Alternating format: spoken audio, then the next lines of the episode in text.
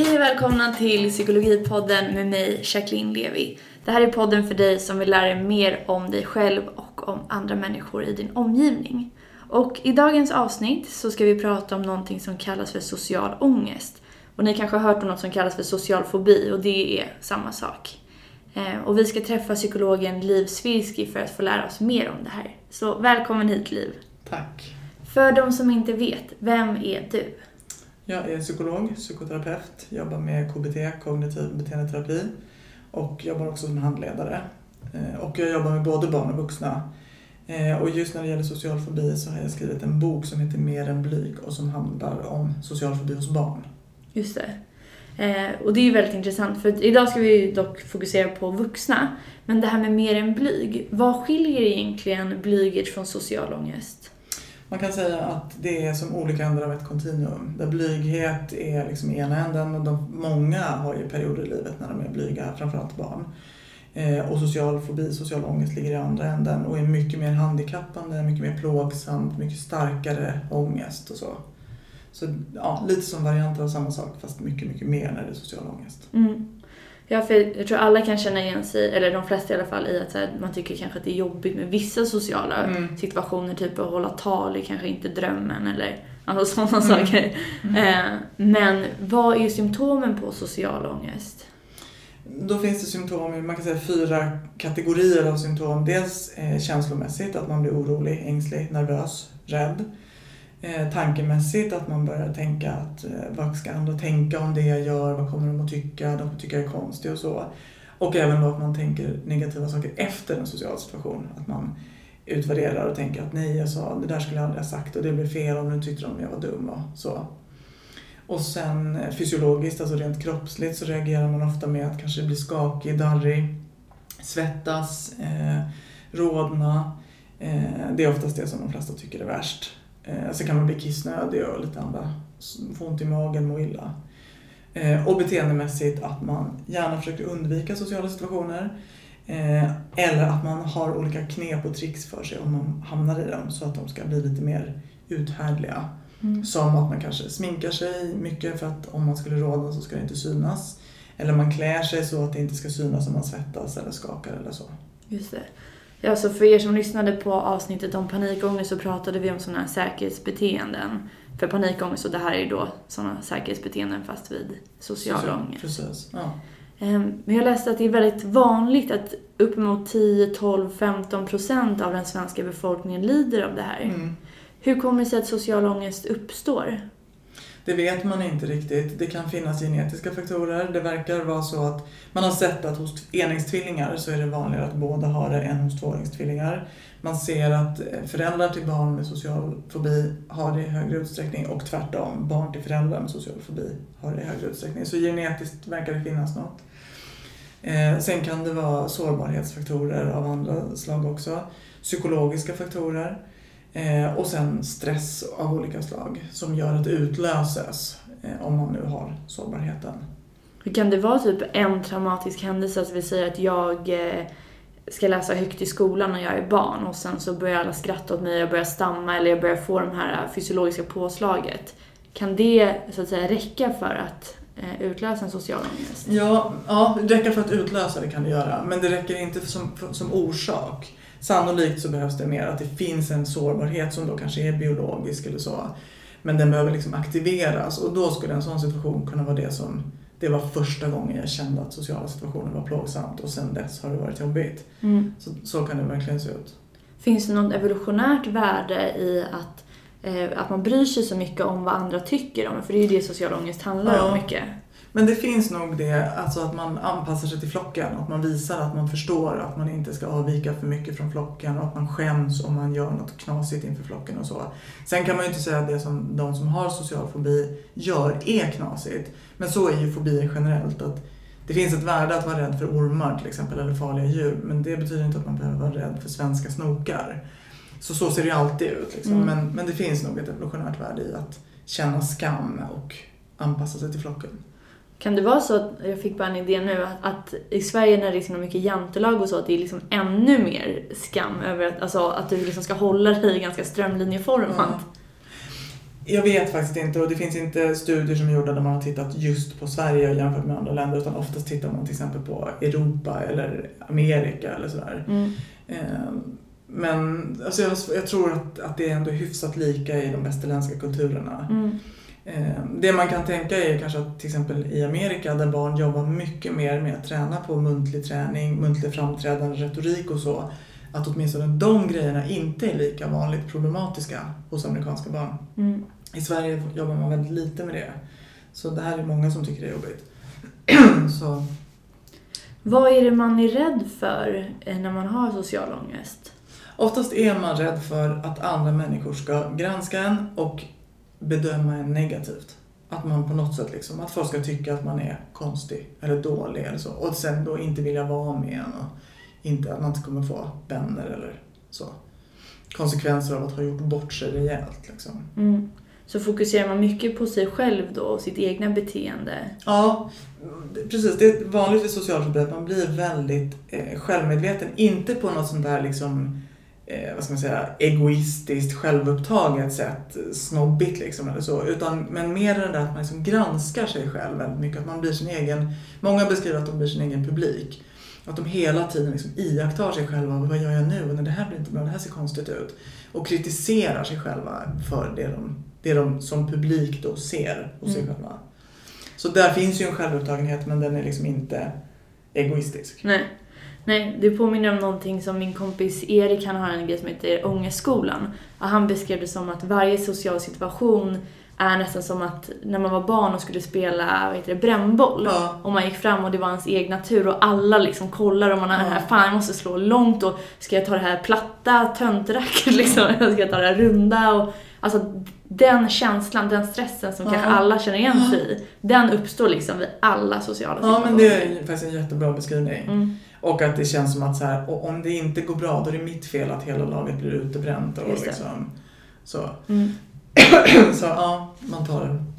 Och det är ju liksom en självupptagenhet som inte är positiv Nej. för personen. Nej, men, men eh, så varför kallas det för social ångest? Är det för att man får mycket ångestpåslag av de här situationerna?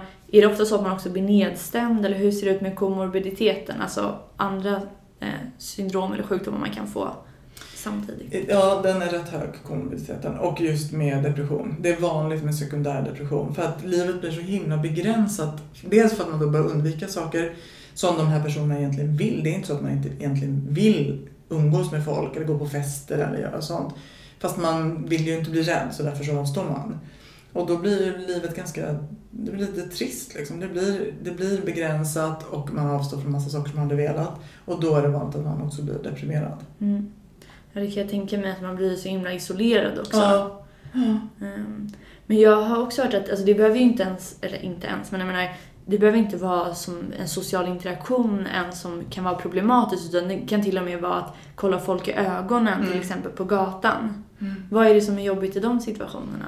Det som folk ofta säger är att om man tittar någon i ögonen så ser man dens fördömanden.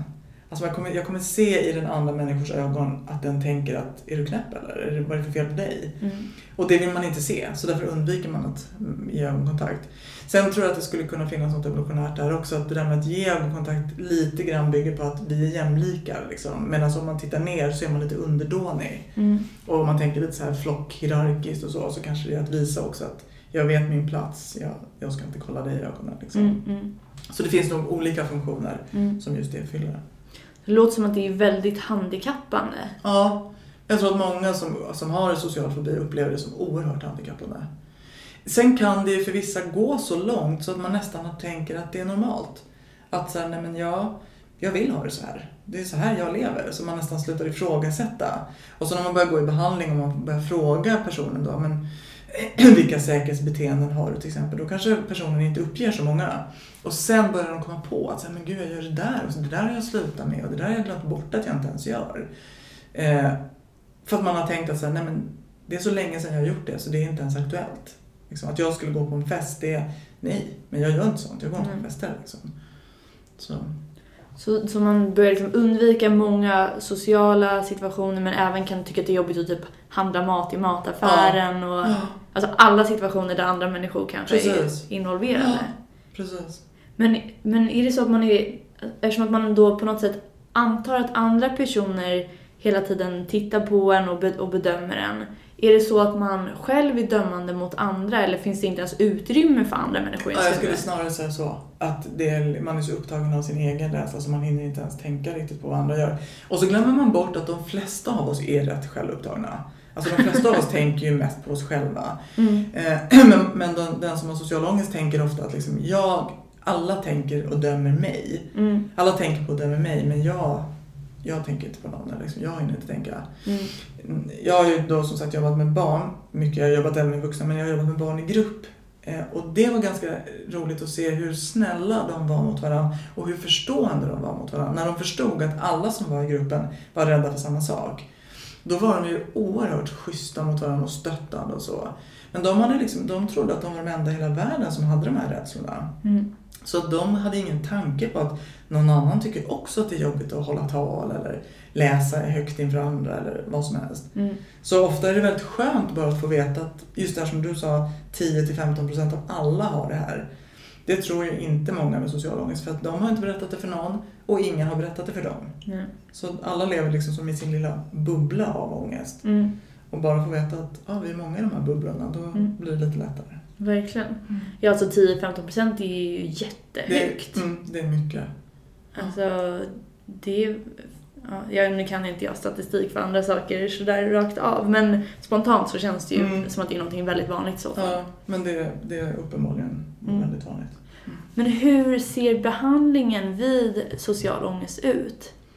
Behandlingsmässigt så gör man ungefär som vid all ångest eh, med KBT. Att man gradvis försöker närma sig de situationer som man tycker är jobbiga. För att se att vad som händer med ångesten när man är i de situationerna. Men sen är det då också väldigt viktigt att man gör det utan säkerhetsbeteenden. För har man dem med så är man inte riktigt i situationen. Det är lite som om man skulle lära sig simma med flytväst. Att så ja, man kan göra rätt rörelser när man är i vatten men man kan inte riktigt säga att man simmar så länge man har flytvästen.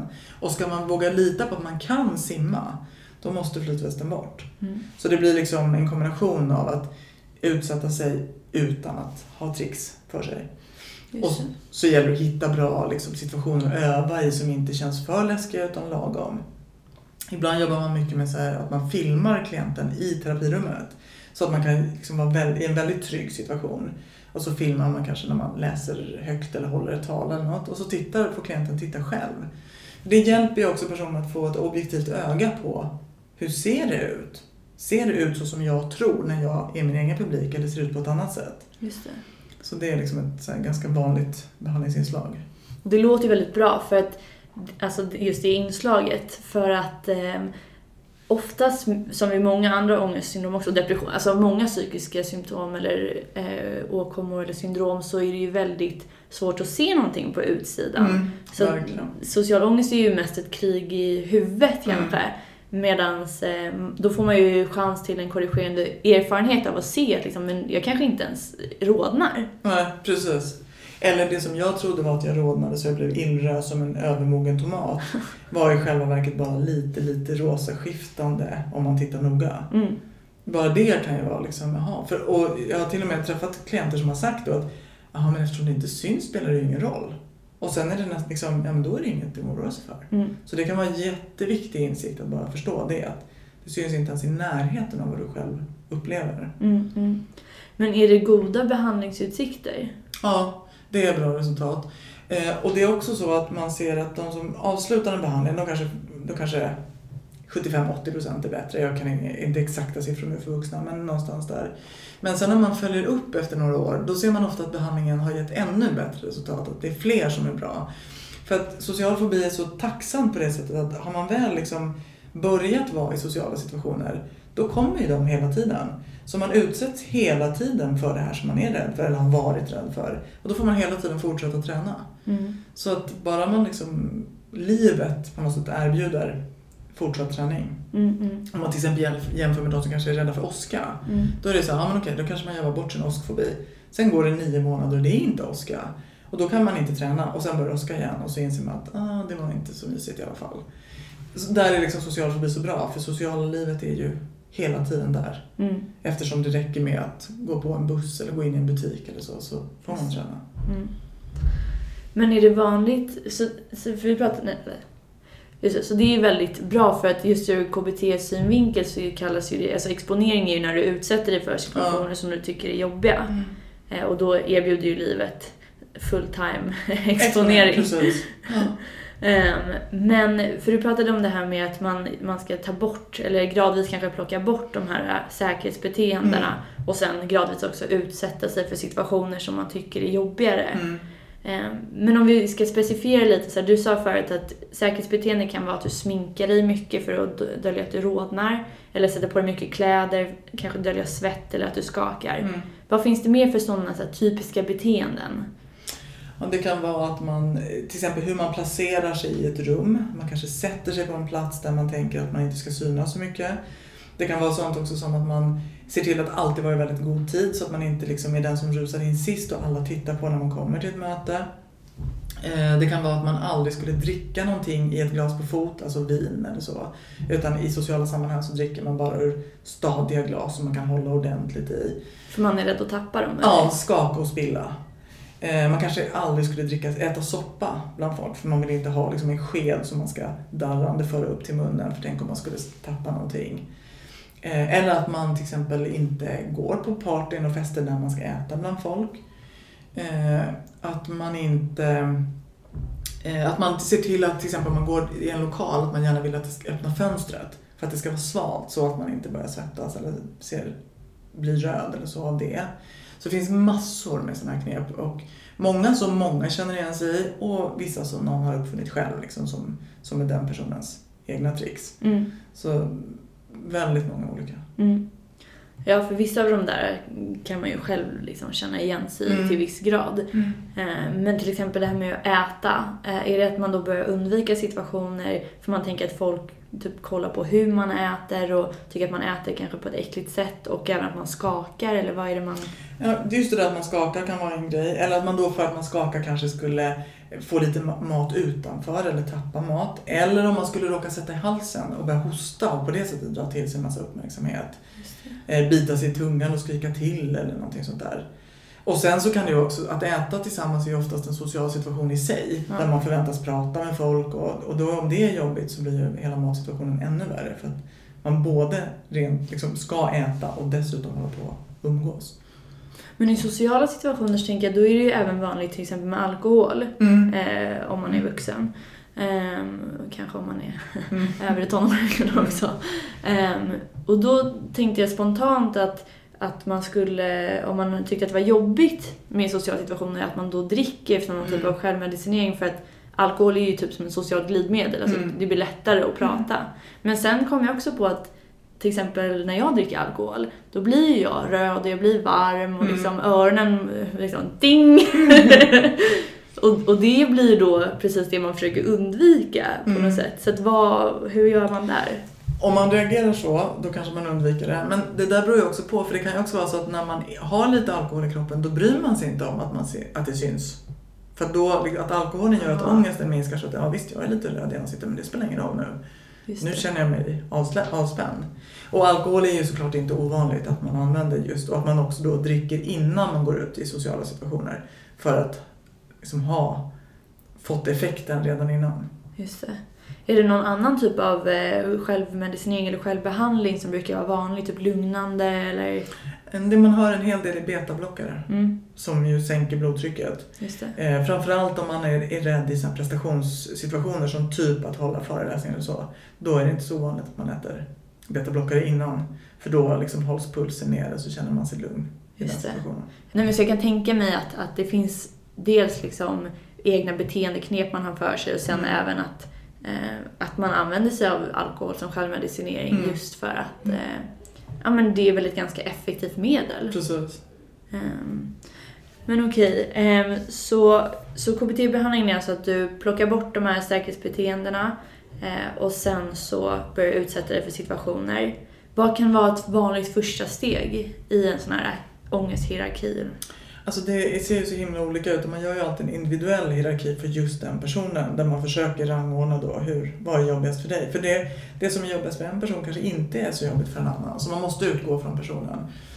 Ofta så är ju just de här äh, hålla tal, hålla föredrag det värsta. Eh, och lite lättare kan vara då till exempel i prata med främlingar. Eh, både telefon och direkt, alltså IRL. För då är det för att man, ska inte, man kommer inte behöva träffa dem igen? Nej, precis. Det kan vara sånt. Det är okända personer. Och, och telefon kan ju också vara ändå lättare för att de ser mig inte. De hör ju bara. Mm. Så man, man utgår från den individuella hierarkin. Sen jobbar man inte längre så strikt hierarkiskt utan ibland kanske man hoppar runt lite i hierarkin. Dels för att det verkar vara okej att göra så och sen också kan det vara för att man, det dyker upp en situation som man gärna vill ta vara på för att träna. Och som kanske inte kommer hela tiden. Så även om det kanske är lite svår så kanske man ändå känner att men nu jobbar vi med den för att den råkar hända. Det kanske är något föredrag man ska hålla och då är det bra att passa på. Mm, mm. Så. Är det vanligt att man söker hjälp tidigt när man har utvecklat det här eller är det många som kommer att man har gått i flera år och sen till sist känner att fan, det här funkar inte längre? Jag tror att det börjar bli vanligare att man söker tidigt för barn. För att man vet att det finns. Att, men, tabut kring att söka hjälp och så har ju minskat väldigt mycket. Ehm, Men sen finns det nog en del som har väntat länge och som kanske dels inte vet att det är något man kan få hjälp med eller som tycker det är så skämmigt som inte vill söka hjälp. Ehm, Så att det finns fortfarande alla sorter. Mm. Men förhoppningsvis så hoppas man ju att folk ska söka tidigt. För att, inte för att det inte går att behandla om man har haft ett tag, för det gör det. Men däremot så är det liksom trist att gå runt med. Mm.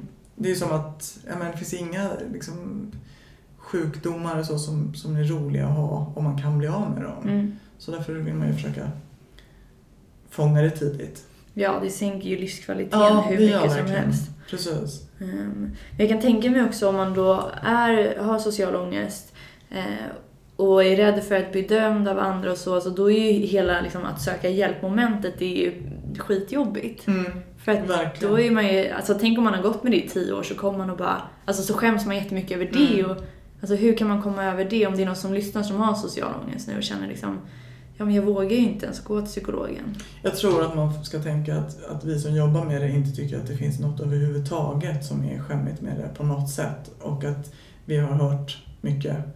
Så att liksom, man kommer inte att överraska sin psykolog. Eh, och, och bara tänka utifrån sitt eget perspektiv. Jag vill inte ha det så här längre, jag är värd att ha det på ett annat sätt. Och Mm. söka hjälp. Så, så liksom inte låta sig hindras av vad någon annan skulle kunna tänka om det eller så. Mm. Sen har ju vi tystnadsplikt. Så det är inte så att vi får berätta för någon annan att personen har varit där. Nej. Så. Nej precis, man måste ju även ta ett eget ansvar för sin egna hälsa, alltså även sin mentala hälsa och sin fysiska hälsa. Eh, Så det, det borde ju vara lika, liksom, inte självklart, men liksom, det är ju verkligen eh, ännu viktigare att göra det än att gå ut på någon joggingrunda då. alltså.